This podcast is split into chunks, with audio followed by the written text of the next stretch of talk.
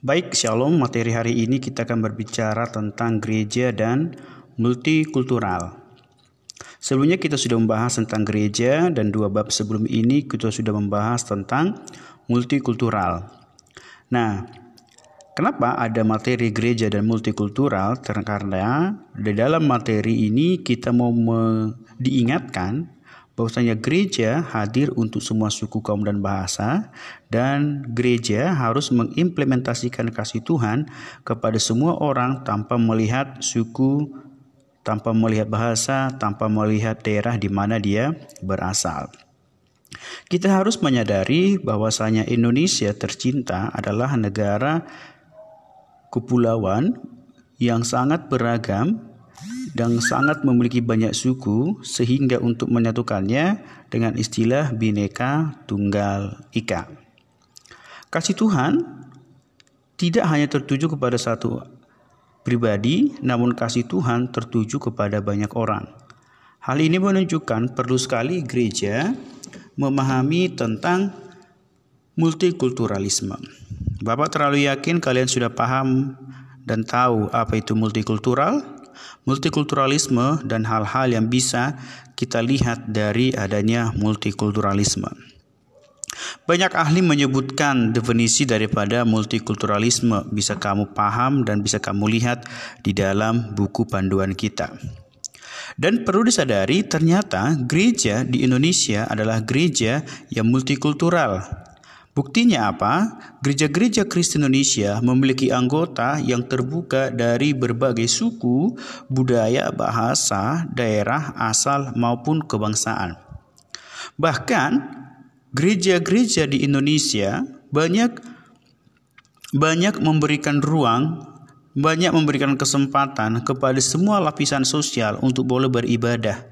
Sehingga ada gereja suku, ada gereja yang bersifat nasional, ada gereja yang disesuaikan dengan bahasa, bahkan ada gereja yang disesuaikan dengan kategorial dari masing-masing gereja, khusus lansia, anak muda, para pasangan suami istri dan juga banyak hal.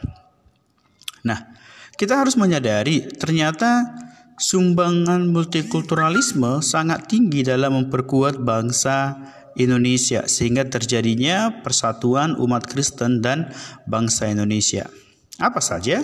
Satu, pengakuan terhadap berbagai perbedaan dan kompleksitas kehidupan dalam masyarakat.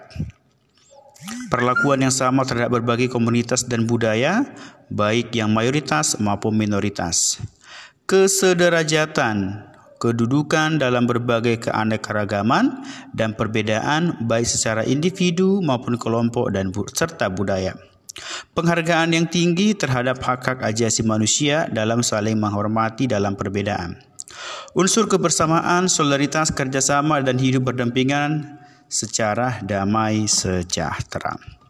Hal ini menunjukkan gereja sebagai wadah atau lembaga ilahi yang diciptakan oleh Allah harus bermuka diri kepada semua suku kaum dan bahasa dan membuktikan kasih Tuhan kepada setiap pribadi mereka. Walaupun mewujudkan ini tidak mudah karena ada tantangan yang dihadapi oleh gereja. Salah satunya adalah tentang pola pikir yang sudah membudaya akibat warisan kolonial Belanda yang membuat kita curiga satu dengan yang lain membuat kita berprasangka terhadap orang-orang yang berbeda suku budaya daerah sehingga kita bersifat individualistik berpikir secara subjektif dari apa yang kita pahami saja. Namun, sebagai gereja yang berajarkan berdasarkan kasih dan mengajarkan kasih, hendaknya kasih itu tidak hanya kepada orang tertentu, namun kepada setiap orang. Karena di mata Tuhan, semua kita sama, tidak ada perbedaan, tidak ada orang hebat, tidak ada orang tidak hebat, tidak ada hamba, tidak ada tuan, tidak ada